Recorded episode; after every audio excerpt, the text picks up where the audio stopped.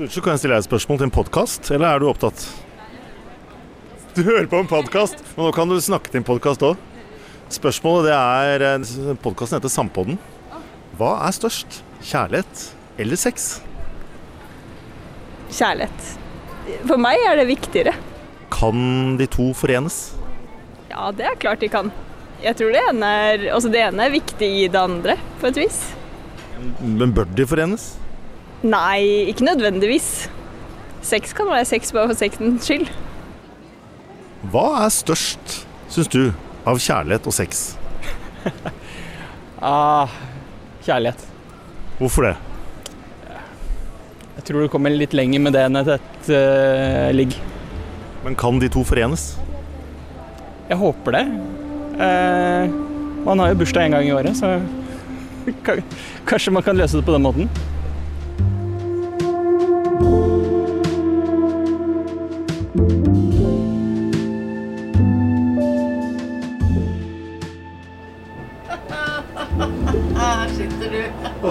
Hyggelig å se deg, Sissel. Fabelaktig i like måte. Ja, Så utrolig velkommen. Tusen takk for at du kunne komme hit. Ja, klart. Er du kald? Er du varm? Eh, blir kald.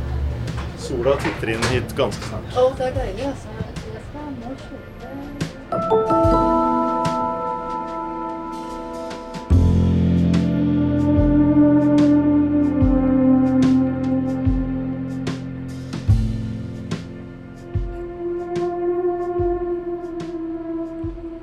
Ja, velkommen til en ny episode av eh, Sampodden. Her sitter jeg, Christian Kjelstrup. Jeg er redaktør i Samtiden, og med meg i Sampoddens drivhusstudio på Youngstorget, så har jeg deg, Sissel Gran. Velkommen. Tusen takk. Selveste Sissel Gran, må jeg nesten si. Jeg vet ikke om det er flere av dere, Jo, jeg tror det.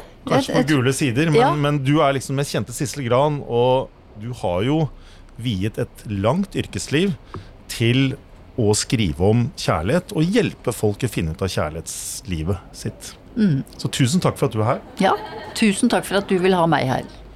Og det vi skal snakke om, det er konflikten mellom kjærlighet og begjær. Og din siste bok, hvor du har skrevet en rekke bøker om ulike sider ved, ved kjærlighet, det er den som heter 'Men størst av alt er begjæret'. Og den henspiller jo på Pauli ord om, om at kjærligheten er størst av alt. Men du spissformulerer og sier at størst alt er begjæret. Hvorfor måtte du skrive den boken? Ja. Det er en ubehagelig tittel, ikke sant? Og mange liker ikke den. Men når du har sittet med så mange par da, som strever med at de både er glad i hverandre, føler omsorg og omtanke for hverandre, men samtidig sliter med, med lidenskapen, da. Og erotikken har dødd.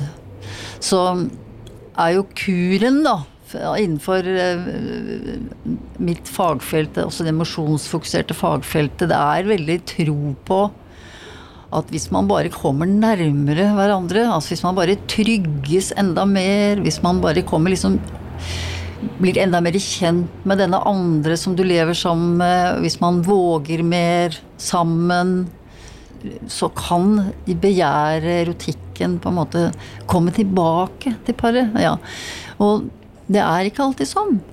Så, så egentlig er den boken en litt sånn Den sprang ut av en sånn slags protest i meg, da, eller at jeg etter hvert begynte å bli uenig med meg selv om at denne tryggingen er det som skal til for at begjæret skal gjenreises i et parforhold som kanskje har vart over mange år. Ja, fordi jeg startet med å si at vi skulle snakke om konflikten mellom kjærlighet og begjær. Og jeg vil jo våge den påstanden at i vår kultur, i vårt samfunn, så er det en slags forventning om at det skal gå i hop. Man er kanskje sammen med ulike folk og har ulike kjærester eller dater. Og så gifter man seg, og da er det ikke måte på hvor flott man skal ha det på alle områder. Men er egentlig kjærlighet og begjær helt to forskjellige ting? Nei, det er jo ikke det i det hele tatt. Fordi jeg tenker at kjærlighet, det er veldig mye, det. Litteraturvitere og andre tenker jo at sånn, sånne som meg, altså klinikere, psykologer, vi har egentlig ikke noe tilgang på verken å forstå det eller forklare det, fordi at dette er på en tilhører en på en måte en åndelig dimensjon som bare Stendal og Spinoza og sånne og Kjerkegård har greie på, ikke sant. Mens sånne klinikere som sitter der med folk på kontoret, forstår egentlig ikke hva kjærlighet er. Det er liksom skjønnånden innenfor litteraturhistorien og litteraturvitenskapen som, som kan forstå det. Men det er jeg helt uenig i, for jeg har sett veldig mye vanskelig kjærlighet. Og er veldig klar over at all kjærlighet er ikke godt. Men men kjærlighet bygger jo på. Altså bygger jo på begjæret. Altså, fordi i starten av et forhold så er det jo veldig mye begjær. Mye lidenskap. Mye at du vil bare være der den andre er. Og så utvikler jo det Så kan jo det stoppe opp. Altså ikke bli noe mer enn det, men bare en heftig forelskelse eller en voldsom fascinasjon hvor begjæret er veldig sterkt. ikke sant? Men noen, i noen forhold altså, utvikler jo det der seg fra å være veldig lidenskapelig til å inkludere, begynne å inkludere en følelse av at den andre er ditt hjem. Da. Altså, og da snakker vi om tilknytninger, som er liksom den andre pålen da, i kjærligheten. Og etter hvert så kommer også den opplevelsen av at du kan sette den andre først. Og da snakker vi om omsorg og omtanke, som er det som jeg mener iallfall er de, noen av de tre tingene som utgjør kjærligheten. Da. Omtanke og omsorg på den ene siden, tilknytningen, altså du er mitt hjem, og begjærer lidenskapen jeg tiltrekkes av deg. Så det å si at det er en motsetning mellom kjærlighet og begjær, er ikke helt riktig, hvis du skjønner hva jeg mener. I og med at begjæret også er en del av kjærligheten. Men problemet er når den biten, eller når den pålen, da, forsvinner. Det er da det blir vanskelig for mange mennesker, og, og de blir lei seg, ikke sant, fordi at de ikke lenger blir begjært av partneren, eller greier å begjære partneren. Um, og så går noen ganger begjæret på vandring. Og det er dette som er den vanlige problematikken på parterapeutens kontor. da. Du, her er det mye å snakke om. Mm. Den store kjærligheten som skal oppfylle alt. Omsorg, respekt, vennskap, eh, spenning, eh, inkludert begjær i hverdagen. Men jeg festet meg veldig ved at du sa at denne boken springer ut fra en slags selvransakelse. At slik du selv har holdt på i mange år, det har kanskje ikke vært tilstrekkelig. Og jeg tror du kan mer om kjærlighet enn Spinoza og uh, Kjerkegård. Takk skal du ha. Eh, ja, det tror jeg. Jeg tror ikke det var så mye begjær på Spinoza, f.eks. Men, men, men hva er det du har skjønt nå, da, som du ikke har skjønt tidligere, om begjær? Jeg har skjønt at altså, det moderne mennesket, altså nåtidsmennesket, kanskje ikke forstår så veldig mye mer av det enn det vi har gjort før. Altså at vi er litt sånn Jeg er jo Jeg var barn på 50-tallet hvor begjær var på en måte skamfullt. Vanskelig å håndtere, ikke sant. Og det var mye synd og skyld, og det var ikke noe p-pille, og det var å holde seg til ekteskapet, og det var en tvangssituasjon for mange mennesker. Og så har vi liksom gjennom, gått gjennom tiden, gjennomgått 70-tallet, frigjøringen, likestilling, kvinnefrigjøring, p-pille, fri sex. Og så kom 80-tallet, virkelig sånn sprudlende, glitter, glamorøst. Og så sitter vi i dag med massevis av unge folk som skammer seg over kroppen sin, og som skammer seg over begjæret sitt. Og kvinner, altså voksne kvinner som skammer seg over å ha lyst og å ikke ha lyst. At det er kommet en sånn skamfaktor inn som jeg syns vi snakker altfor lite om. Og at det er som du var inne på i stad, så sier du at kjærligheten skal på en måte favne alt da, i livet vårt. Og så når man ikke får til begjærsbiten i kjærligheten, da, så er det jo mange par som skammer seg over å være et avbegjært par i, i 45-årsalderen. Ikke i 77-årsalderen, men 37-årsalderen og 45-årsalderen. Det er skam over å ha lyst. Fordi, og det er skam over ikke å ha lyst, og det er skam over å være et sånn avbegjært par. Så jeg syns midt i alt det overseksualiserte som vi opplever i dagens samfunn så syns jeg at vi ikke forstår så veldig mye mer av hva som bor i oss. Og at vi kanskje er litt hjelpeløse når det gjelder å håndtere den, ja, den driftsdelen av oss som mennesker, da. Så. Men la oss snakke litt mer om den skammen, da. For det, mm. her er vi inne på noen store paradokser. Både kjærlighet og seksualitet er noe som snakkes veldig mye om i det offentlige. Og er godt til stede på, på, alle skjermer og i sosiale medier og i alle kanaler. Det er programmer om uh, begjær, og det er nakendating, og det er porno, og det er gud vet hva. Og samtidig, sier du, så er dette noe skamfullt. Hvorfor, hvorfor er det slik, da? Jeg lurer på om det For det er jo et større bilde. Så jeg syns det er veldig riktig sånn som du oppsummerer det. Det er et litt større bilde, for jeg synes, lurer på om vi lever i, i en sånn mer sånn renhetsorientert kultur. Alt skal være så rent. Altså ta liksom arkitekturen. Ta liksom de hvite, rene flatene. Og ta jentenes underliv. Det skal være barbieglatt. Det er nesten så vi begynner med omskjæring her ikke sant. Du skal ikke ha et hår på kroppen. Dette er jo en, en slags pornofisering av kroppen. Så lurer jeg på Eller ikke bare lurer på, men det er en sånn kyskhetskultur. Og når du spør unge, da Vi har jo snakket med flere sexologer som har unge par unge kvinner og unge menn som individualterapeuter, og de er helt forskrekket over kravene de stiller til seg selv om å se pene ut under den seksuelle akten. Altså, du skal ikke ha en rynke, du skal ikke ha en valk. Du skal være så marsipanglatt, ikke sant. Og det Dette er jo undertrykkende. Dette er jo ikke frigjørende i det hele tatt. Ikke sant? Og hvor blir det av begjæret da, som jo er litt sånn dampende over du slett ikke er så pen når du begjærer veldig, eller skal ha veldig morsom sex. Og det mange sexologer sier, at det er mange unge kvinner de har ikke, nesten ikke lyst lenger. De rett og slett, Og dette er det jo det fantastiske utrolig gode essayet som du har i, samtiden om kjærlighet, som uh, Tyra Theodora Tronstad har skrevet om. 'Stillhetens klitoris'. Altså, den beskriver akkurat dette. Det fantastiske essayet der. Jeg får bare si det til lytteren. Da. Det er Tyra Theodora Tronstad hun har vært gjest her i podkasten. Hun.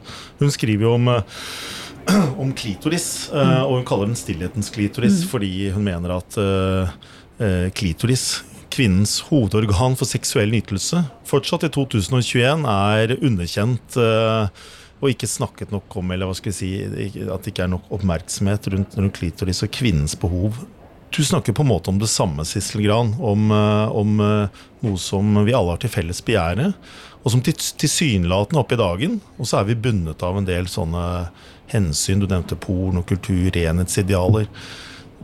Det slår meg, Begjær det er ofte assosiert med noe skittent. Mm. Og I boken din så tar du oss med inn i noen av fantasiens rom. Enten det er eh, SM eller hva det nå er folk ønsker å drive med for å bli tent.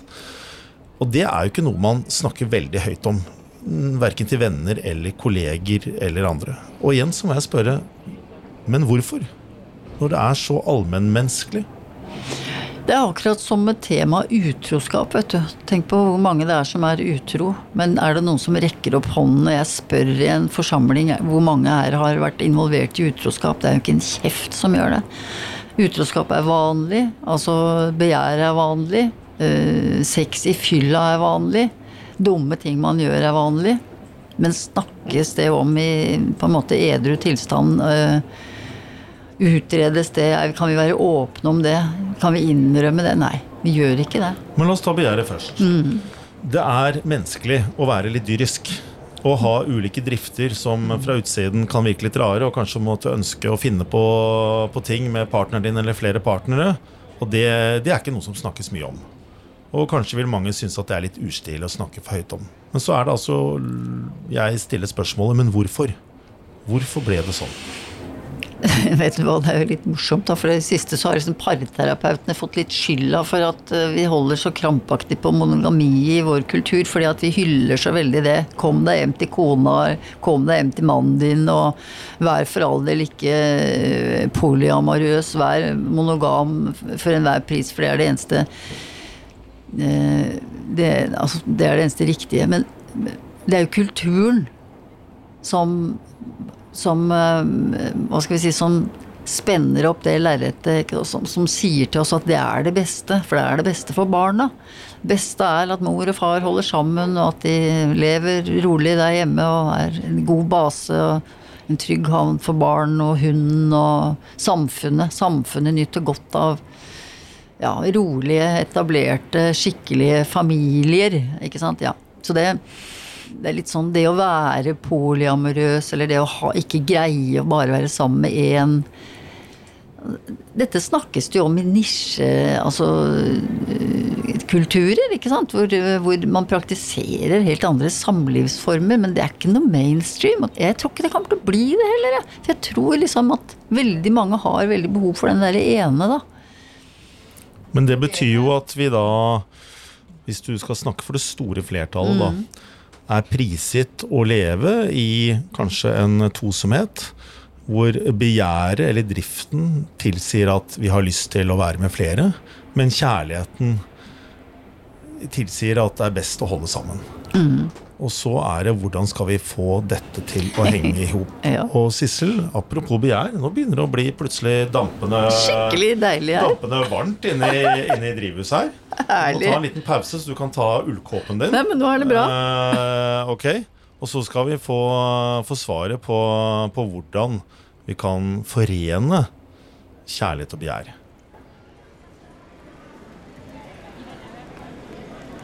Hva er størst? Begjæret eller kjærligheten? Kjærligheten. Hvorfor det? Den er størst fordi den er viktigst for oss. Begjæret er på en måte bare en egoistisk eller en, en egoistisk drift.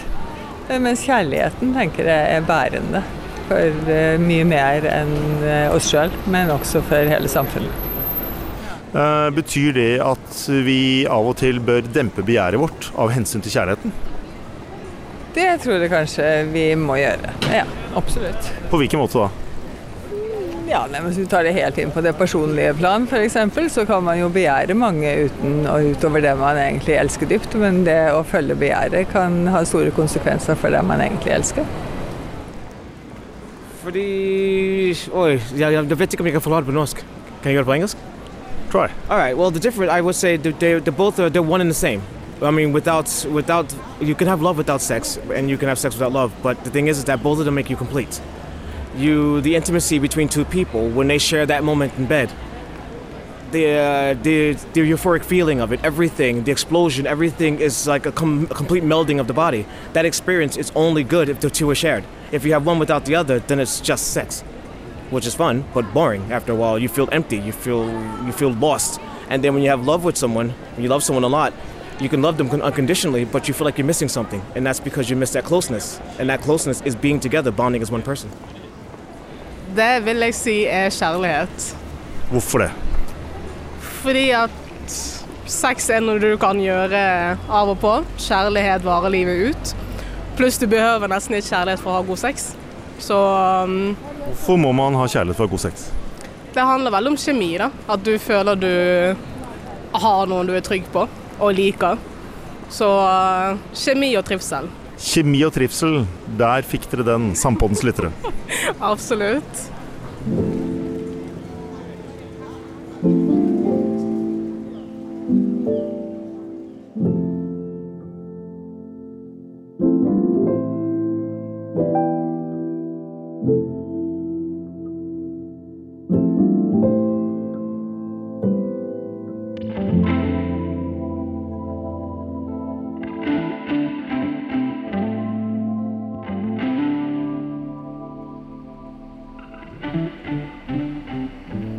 Gran, det er en stor glede å ha deg her i drivhuset, hvor sola nå virkelig har tatt tak. Ja, deilig. Kristian Kjestrup heter jeg, jeg er redaktør i Samtiden, og vi skulle også snakke litt om utroskap, sa du i sted. Man kunne sett for seg et samfunn der det var null utroskap, og der det var null prosent som skilte seg. Men så vet man at i vårt samfunn så er det en god del som skiller seg. Kanskje er det 30-40% tro. Og utroskap er litt eh, vanskeligere å måle, men jeg har sett eh, alt fra tall fra, fra, fra 25 til 80% av oss som i løpet av livet er utro på en eller annen måte. Det indikerer jo en kultur som er litt uenig med seg selv, tenker jeg. Du som parterapeut, psykolog, som har rådgitt mange folk om både hvordan man skal holde kjærligheten og begjæret varmt. Er dette noe vi bare må leve med? Ja, så når du er terapeut da, og psykolog, så er du egentlig en sånn Når du sitter der med et par da, hvor dette har skjedd, f.eks., altså hvor det er en utroskapsaffære som er avslørt, da. Det er livlig rundt her i drivhuset, altså. Ja, det er biler på baksiden det her, og Full trafikk. fart, altså. Ja, absolutt. Men nå var vi Men på du vei inn i sitter, du utroskapet. sitter der, da sitter du der eh, med et fortvilt par veldig ofte, ikke sant. Og, for det er, det er veldig få som tar lett på det. Altså, det er jo ser på eh, Kritikerne synes jo at det er De jo De setter jo anførselstegn rundt ordet utro til og med, fordi at de syns det er så latterlig, for mennesket er jo et fritt individ. Altså eh, god dag, kom til virkelighetens verden. Det er dommedag på kontoret når eh, utroskapet er avslørt og paret kommer til terapeuten. Det, for det er så veldig tøft. Og da vil jo mange stille seg spørsmålet, mange livsfjerne folk, ja, men hvorfor er det et problem? Og da får jeg lyst til å si, har du prøvd det selv? Har du prøvd eh, å stole på en partner som du elsker overalt på jord, er veldig glad i, og så får du vite av omveier at vedkommende har hatt et forhold til en annen i to år? Prøv det! Kjenn på det, hvordan det føles. For da vedkommende har da løyet for deg veldig mye. Og prøv å holde fanen høyt om det frie mennesket og alt det der, da. Men det var en omvei. Tilbake til spørsmålet. Du sitter der som en sivilisasjonsagent når du skal jobbe med sånne ting som det der. Og det som er Det som både samfunnet og par ønsker som en forklaring på hvorfor dette kunne skje, det var at noe var veldig galt i dette forholdet. Eller at det er noe veldig galt med din partner som har vært på gift. At det må være en slags sykdom, eller at han må ha følt seg ubekreftet, eller eh, sykt spenningssøkende, eller at han, ble, at han ble overfalt av slangen i paradiset, hun med det lyse håret på jobben. Altså, det må ha vært noe feil! Skjønner du? Vært noe... Og det som er veldig vanskelig for mange par å akseptere, og som er løsningen for mange faktisk, det er å forstå at det er dypt menneskelig å ikke klare å vandre på den smale sti gjennom hele livet. Vi er vandrende motsetninger. Vi er en ligning som ikke går opp. Vi får ikke alltid det der til, men det er så utrolig vanskelig å tåle det. At det bor ting i oss som kan få oss til å gjøre ting som vi egentlig ikke vil. Og det er jo Paulus igjen, ikke sant, som sier 'jeg forstår ikke meg selv'. Det gode som jeg vil gjøre, det gjør jeg ikke. Men det onde som jeg ikke vil gjøre, det gjør jeg. Men sånn er vi jo litt. ondt, sier du. Og Ja. det er jo slik nesten samfunnet ser på utroskap som noe ondt. Ja. Og likevel skal vi tro statistikken, så er det da et stort flertall da, som kanskje utad vil fordømme utroskap hos andre, men som praktiserer utroskap selv. Mhm. Hvis man bare skrelte vekk bare, Dette er et tankeeksperiment. Skrelte vekk all fordømmelse av utroskap. Tenkte at dette er slik det er å være menneske. Hei, kona mi. Nå rekker jeg opp hånden. Nå har jeg lyst til å være utro. Og så sier du det istedenfor å drive med all den løgnen. Hva ville skje da? Ja, det er jo veldig interessant, og det er jo da jeg rasket til meg en bok av Ian McEwan som heter eh, Barneloven, altså The Children Act, fordi jeg vil ikke bruke for mange kliniske eksempler fra terapirommet fordi det er så sårbart. Altså, folk orker nesten ikke å lese om det, men kan, man kan bruke eksempler fra skjønnlitteraturen. Hvor Jack sier til Fiona, de er i slutten av 50-årene, hun er en vellykket dommer, han er også en, det er et vellykket, godt ekteskap, de har hatt regelmessig sex og hatt det ganske fint sammen bestandig. Så kommer han hjem en dag og så sier han ehm, jeg må snakke med deg om noe, for jeg vil ha en affære. Før, liksom, før alderdommen tar meg for alvor, vil jeg ha en saftig affære. Og jeg vil ikke gjøre dette på bekostning av noe mellom deg og meg. Jeg vil ha en, et ærlig forhold til det. Jeg vil ikke skilles. Jeg vil komme tilbake til deg, men jeg må ha dette. Og jeg håper at du syns det er greit. Det er jo litt sånn som du sier, at ja, hvis hun hadde sagt ja, men det er jo en veldig god idé. Altså at du gjør det, og gjør deg ferdig med det, da. Og, for han sier det som veldig mange opplever. For du skjønner det, Fiona, sier han, du og jeg er blitt som søsken. Vi er ikke lenger et ektepar. Vi har, det er ikke noe saft og kraft mellom oss. Men, men jeg trenger dette. Og så dette er det han da snakker om, det er en motgift mot døden, ikke sant? Ja, som vi godt kan kalle utroskap. Ikke det at man trenger spenning, men at det er en motgift mot følelsen av å langsomt svinne hen og dø. Altså, det er jo dødsangst det handler om for veldig mange av oss. Er det sånn du tenker på utroskap? Ja, man, man, man hører ofte mange årsaker. Det kan være at er ikke nødvendigvis sexen i seg selv, men det er at man ikke kommuniserer godt nok på hjemmebane, eller søker noe spenning, eller, eller gud vet. Men du tenker at det også er en, en, en motkraft mot døden? Gjør det. Hvordan, hvordan er det det? Fordi det er ingenting som kan altså, Det gjør, gjør at du føler deg levende igjen. ikke sant? Det å bli veldig attrådd, da. Av en annen. Og Kan man ikke og hoppe det- i fallskjerm eller Jo da, eh, noen gjør jo det, da. annet, da? Ja, noen gjør jo det. Noen løper jo beina av seg. De løper sånn langmaraton, og de finner på alt mulig sånt, ikke sant. Mens det er ikke alle som, som får opp liksom dopamin eh, Hva skal vi si Belønningssystemet deres går ikke så, liksom, blir ikke så intenst av å løpe eller jogge eller sykle eller klatre oppover svære, bratte fjell. For noen så er det å bli begjært av en annen som ser deres unge jeg, da, for å si det sånn. Det er så gnistrende belønnende, og det får dem til å føle seg levende igjen. Og derfor kan vi kalle det en motgift mot døden. Så noen ganger er det sånn. For noen. Men dette, å si dette til et par, at her handla det ikke om at du var en dårlig kone, eller du var en dårlig ektemann, eller at det var noe veldig feil her. Det var rett og slett det var ikke planlagt engang. For mange sier jo det at du har planlagt det, og du har løyet for meg. Men veldig mange sier jo da, når dette har skjedd, det var ikke meg. Det var noe fremmed i meg som tok tak. Jeg forstår ikke meg selv. De sier det samme som Paulus. Jeg forstår ikke hva det var. Og dette syns jeg er et stort problem når opplyste mennesker i 2021 ikke forstår at de også kan ha vanvittig sterke følelser som går, trekker dem i en annen retning enn det fornuften deres gjør. For sånn er vi jo. Og det er det du kaller begjæret. Ja. Ja, eller attrå, eller hva det Altså det Fordi det er, jo, det er jo større enn det seksuelle begjæret, for det er jo livsbegjæret. Å bli gjort levende igjen, og føle seg levende igjen. ikke sant? Og føle seg kanskje litt gal, og føle seg Ja, at man er vakker. At noe plutselig er skjønt, ikke sant. At, uh, at uh, du er vakker, jeg er blitt ny. Altså denne intense følelsen av fornyelse i et kanskje veldig sånn hamsterhjulliv som veldig mange 45-åringer lever i, da. Jeg syns ikke det er det minste merkelig at det skjer, men vi snakker om det som om det skulle være noe ekstremt merkelig eller forferdelig uønsket eller farlig. Men igjen, hva hadde skjedd hvis vi bare anerkjente det? For det er jo mange Mm. måter å være intim på. Man kan være veldig intim med en annen kvinne eller annen mann sosialt. Hvis Ja. man snakker om noe dypt personlig. Kanskje man er mer personlig enn hvis man har sex med en eller annen man treffer på byen.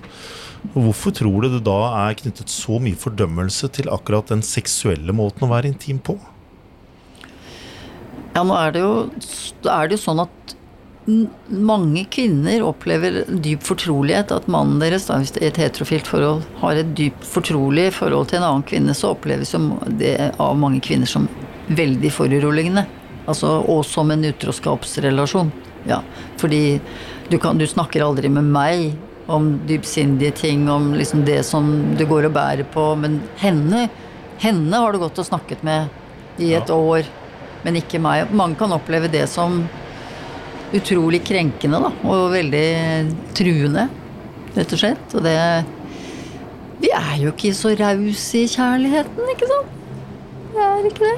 Men, men Vi tenker at vi burde være det. Vi burde være rause i kjærligheten og bare liksom la vår kjære liksom være sammen med andre og være fortrolig med andre og Ja. Du nevnte noe om det i sted, at hvis det kommer et par til deg, da, og gud vet hvor mange par har ikke du hatt på ditt kontor? Det må være noen, Det er mange. noen tusen. Jeg vet ikke. Ja.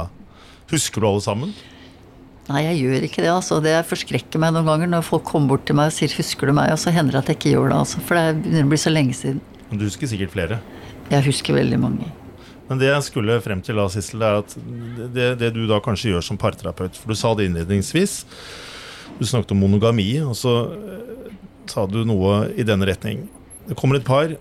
Sexen er gått litt i stå. eh, Den ene vil, noen andre ikke vil. Og da er rådet ofte å piffe opp sexen innenfor eh, rammen av ekteskapet.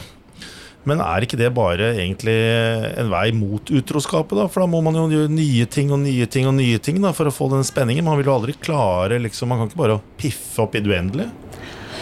Nå er jeg jo ikke sexolog, da, og sånn piffing jeg vet ikke helt hvordan man driver med sånn piffing. Altså, det er jo Kjøpe sexy undertøy, gå på kondomeriet, kjøpe sexleker. Altså, dette er litt vanskelig. Eller kjøpe, lese en bok, eller gå på et kurs. Fordi det som skjer i parforhold hvor sexen har gått i stå hos den ene eller begge, det er at da kommer skammen inn, ikke sant. Og skammen over å ikke få til dette her, ikke klare å yte og ikke klare å nyte, ikke klare liksom at det er og det er vanskelig å si hva man trenger og hva man har lyst på. Altså, det, for, for par som har vært sammen i årevis, kan det til og med være veldig vanskelig å si at den måten å ha sex på som vi har hatt de siste tolv årene, akkurat på den måten du gjør det, den måten tenner meg ikke i det hele tatt. Kan ikke gjøre noe annet? Bare det er vanskelig å si for mange. Så det er så timid, liksom. Og det er så sårbart. Eh, altså det erotiske livet, da, som folk forsøker å få til i en veldig sånn seksualisert kultur som vår. Der er man så hjelpeløs, altså. Det jeg gjør da, det er at jeg snakker med dem om hva handler det om?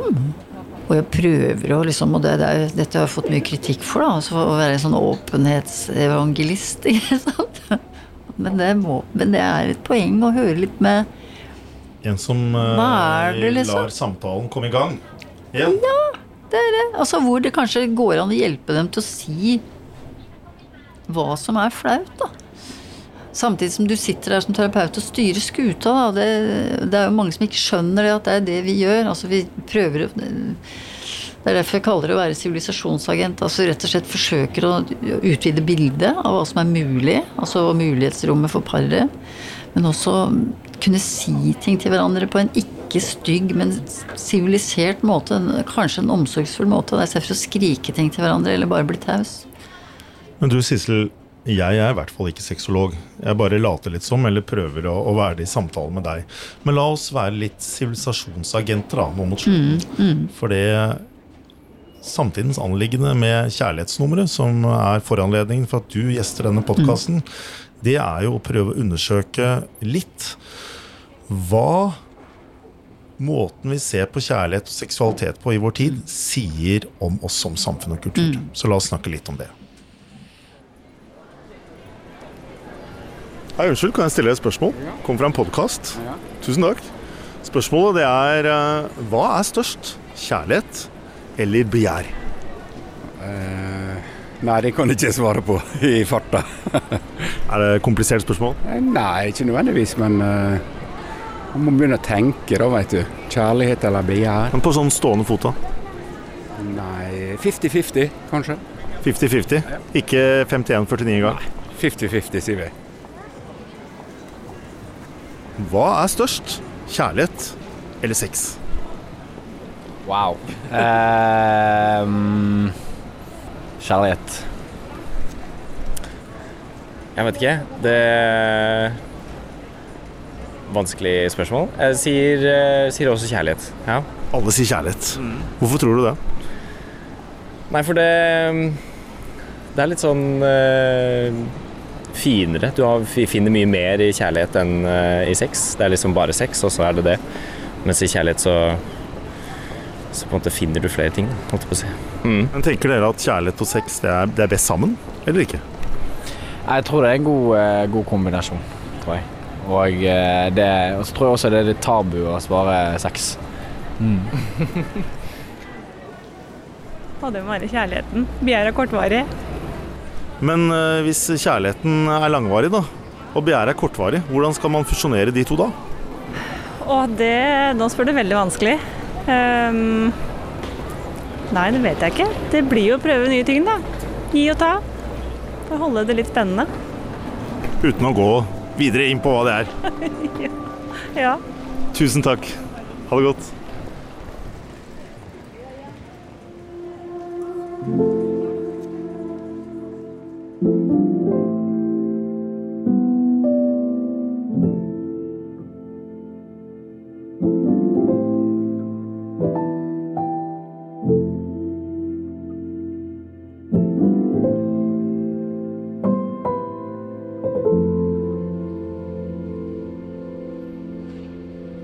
Sissel Gran, psykolog, forfatter, også podkastvert for eh, Kjærlighetspodden.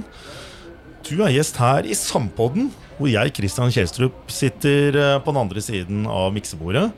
Og vi har snakket litt om hva som foregår i eh, parterapirommet hos deg, knyttet til utroskap, kjærlighet, begjær. Hva sier alt dette om oss som samfunn? Mm.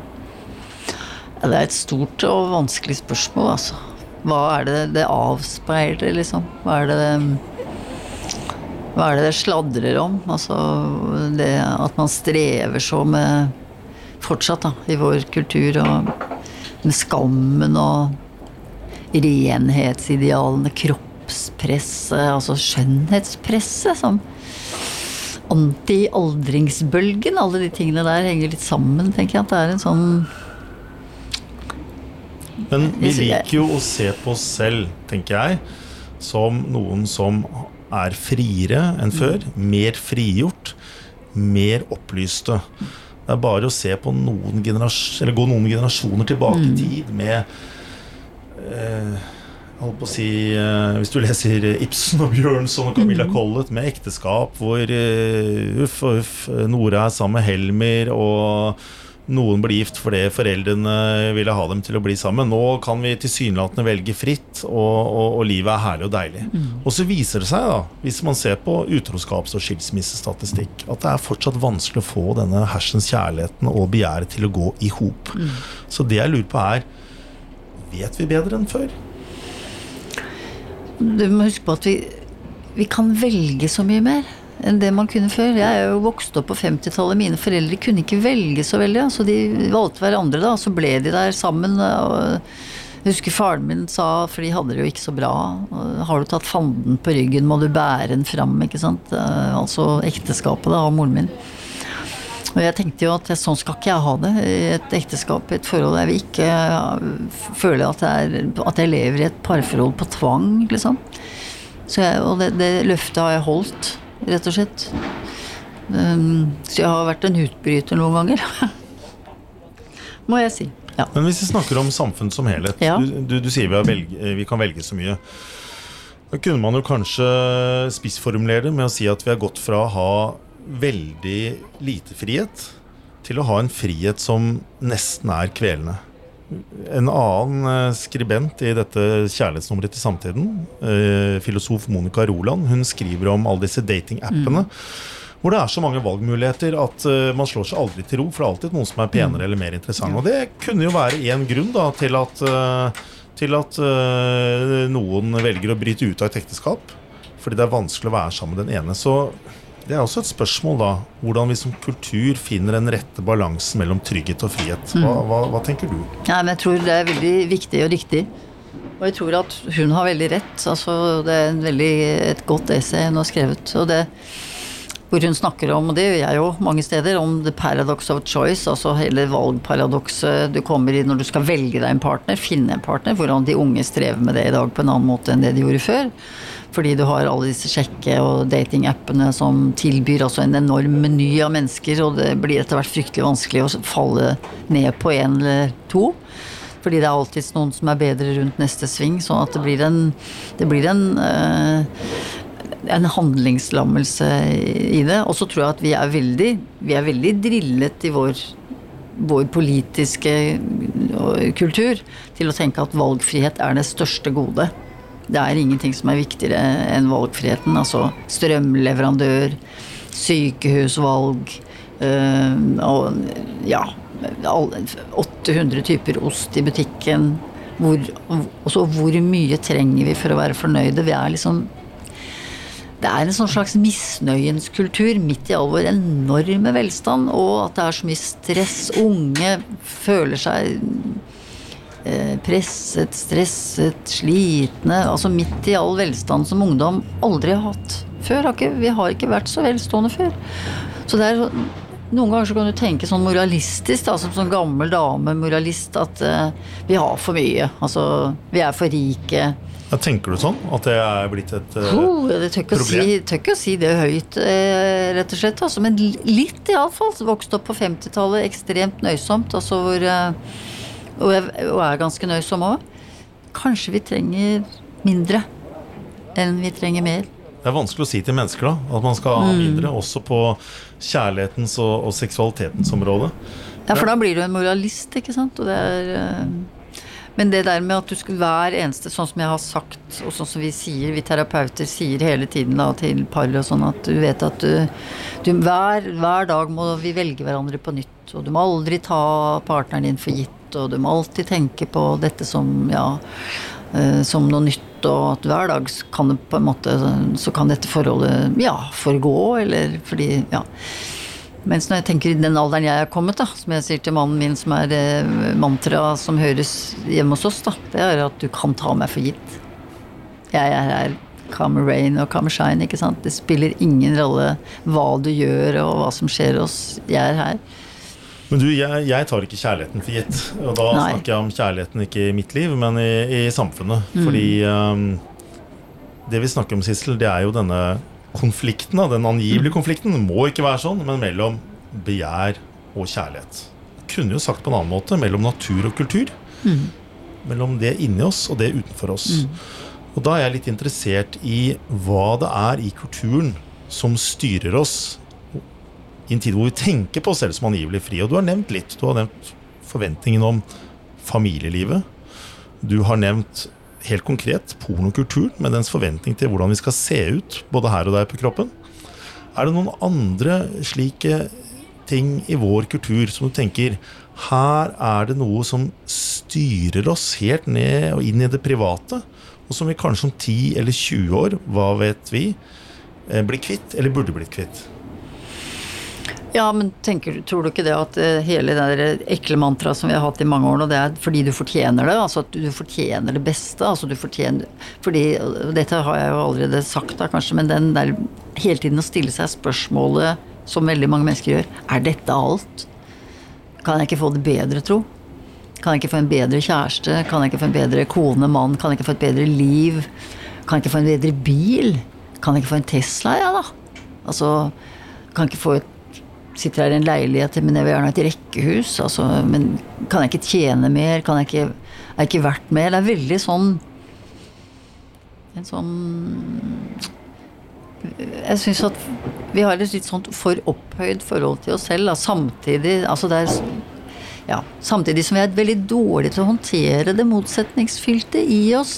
Hva vi rommer. ikke sant? Vi rommer jo alt som er mulig, men jeg syns vi har veldig dårlig forhold til å forstå alt det rare vi rommer, da. Men her rører du ved enda et paradoks, da. For hele menneskehetens historie, iallfall moderne historie, da, det er en slags bevegelse mot eh, økt fremskritt og velferd. Allerede romerne hadde som mantra 'sterkere, fortere, ras eh, høyere'. Uh, og, og du nevnte klima. Uh, ikke sant? Vi har jo på en måte skapt denne krisen sjøl, fordi vi, vi, vi vil ha det bedre. Er det mulig og menneskelig å snu det, da? Og komme med den motsatte impulsen og si at nei, nå må vi lytte mer til oss selv? Ja, jeg syns jo at vi har eh, vært veldig Vi har vært eh, ofre for vår egen grådighet veldig lenge. Det er derfor kloden er sånn som den er. Det, den brenner. Og Det er dødsens farlig, ikke sant. Men samtidig er det jo fortsatt veldig mange som ikke vil se det. Eh, Og som ikke vil renonsere på noen ting. Altså, vi har et forbruk som er helt vanvittig i vår kultur, f.eks. Men på kjærlighetens område Mm. betyr det at kulturen forandrer seg og forandrer seg, men eh, som eh, biologiske vesener så henger vi fortsatt igjen i en annen forståelse? Er det sånn? Det vet jeg ikke om jeg tør å si. Det må du spørre biologene om. Ja. ikke sant? Om vi kanskje har om vi er, Men jeg tror nok vi er Hvis vi, får, an- hvis vi har anledning, så Hvis vi gis mulighet, så vi, tror jeg vi kan være ekstremt grådige. For mange er jo penger eller kapital det mest sexy av alt. Og det de begjærer aller mest av alt. Og det kan aldri bli nok. Jo mer du har, jo grådigere tror jeg du blir, og jo mer tror jeg du tenker at du har Du fortjener det, og at du har rett til det. Men om jeg deg om noe relatert til det. fordi Man kan jo styre begjæret sitt i flere retninger, som du sier. Og mange i dag styrer det i retning av selvrealisering, og ofte eh, realisering innenfor arbeidslivet. Og så skal du komme hjem, da, og så skal du innimellom eh, oppvask og lekser og gud vet hva, så skal du realisere kjærlighetslivet. I hvilken grad tenker du at arbeidslivet er et hinder for det gode begjæret og den lykkelige kjærligheten? For mange så tror jeg at det, er et hinder fordi at man kommer sliten hjem. Altså man, eller fordi at man Dette her var det en, eh, en som het Tian Sørhaug som har skrevet veldig morsomt om tidligere. Hvor han tidlig, tidlig på 80-tallet tror jeg skrev om eh, det sexy, erotiske arbeidslivet og det ekstremt forretningsmessige, kjedelige eh, hjemmelivet og kjærlighetslivet. Altså at det er på jobben du Jobben er erotisert, mens eh, hjemmefronten er eh, averotisert. Det er noe i det. Men ja, det vi så i pandemien nå, det var jo at veldig mange par fikk det bedre. Fordi de fikk en mye roligere hverdag og fikk mye mer tid til hverandre og hadde det ordentlig kult.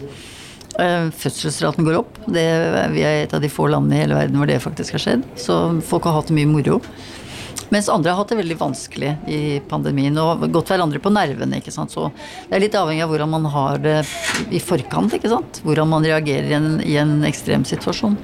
Men hvis du skal være litt sånn parterapeut, ikke, ikke på individnivå, men på samfunnsnivå eh, Hva ville du tenke da uh, ville være de beste rådene da, for at vi som kompliserte, moderne samfunn Nei, kompliserte, eh, moderne individer fanget i dette hektiske samfunnet skal klare å, å fusjonere begjær og kjærligheten?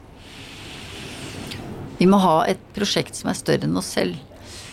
Når jeg spør gamle folk hvorfor er du blitt så gammel, så sier de hvorfor jeg er blitt så gamle. Fordi at jeg glemmer meg selv. Jeg er mer opptatt av andre ting enn meg selv. Ja. Men jeg tror at, at vårt samfunn altså, ville hatt veldig godt av å Hva skal vi si? Ha en mer solidarisk, kjærlig holdning til uh, naturen, til uh, kloden. Altså at vi kunne bli, legge mer av begjæret og kjærligheten vår i, i det å felles redde det vakre vi har, da. Og det håper jeg at skal skje nå i årene som kommer, er at vi kan kanskje bruke mer tid på det enn på å, vår eget navlelo. Det hadde vært veldig fint. Du har jo mange samtaler som handler om navlelo.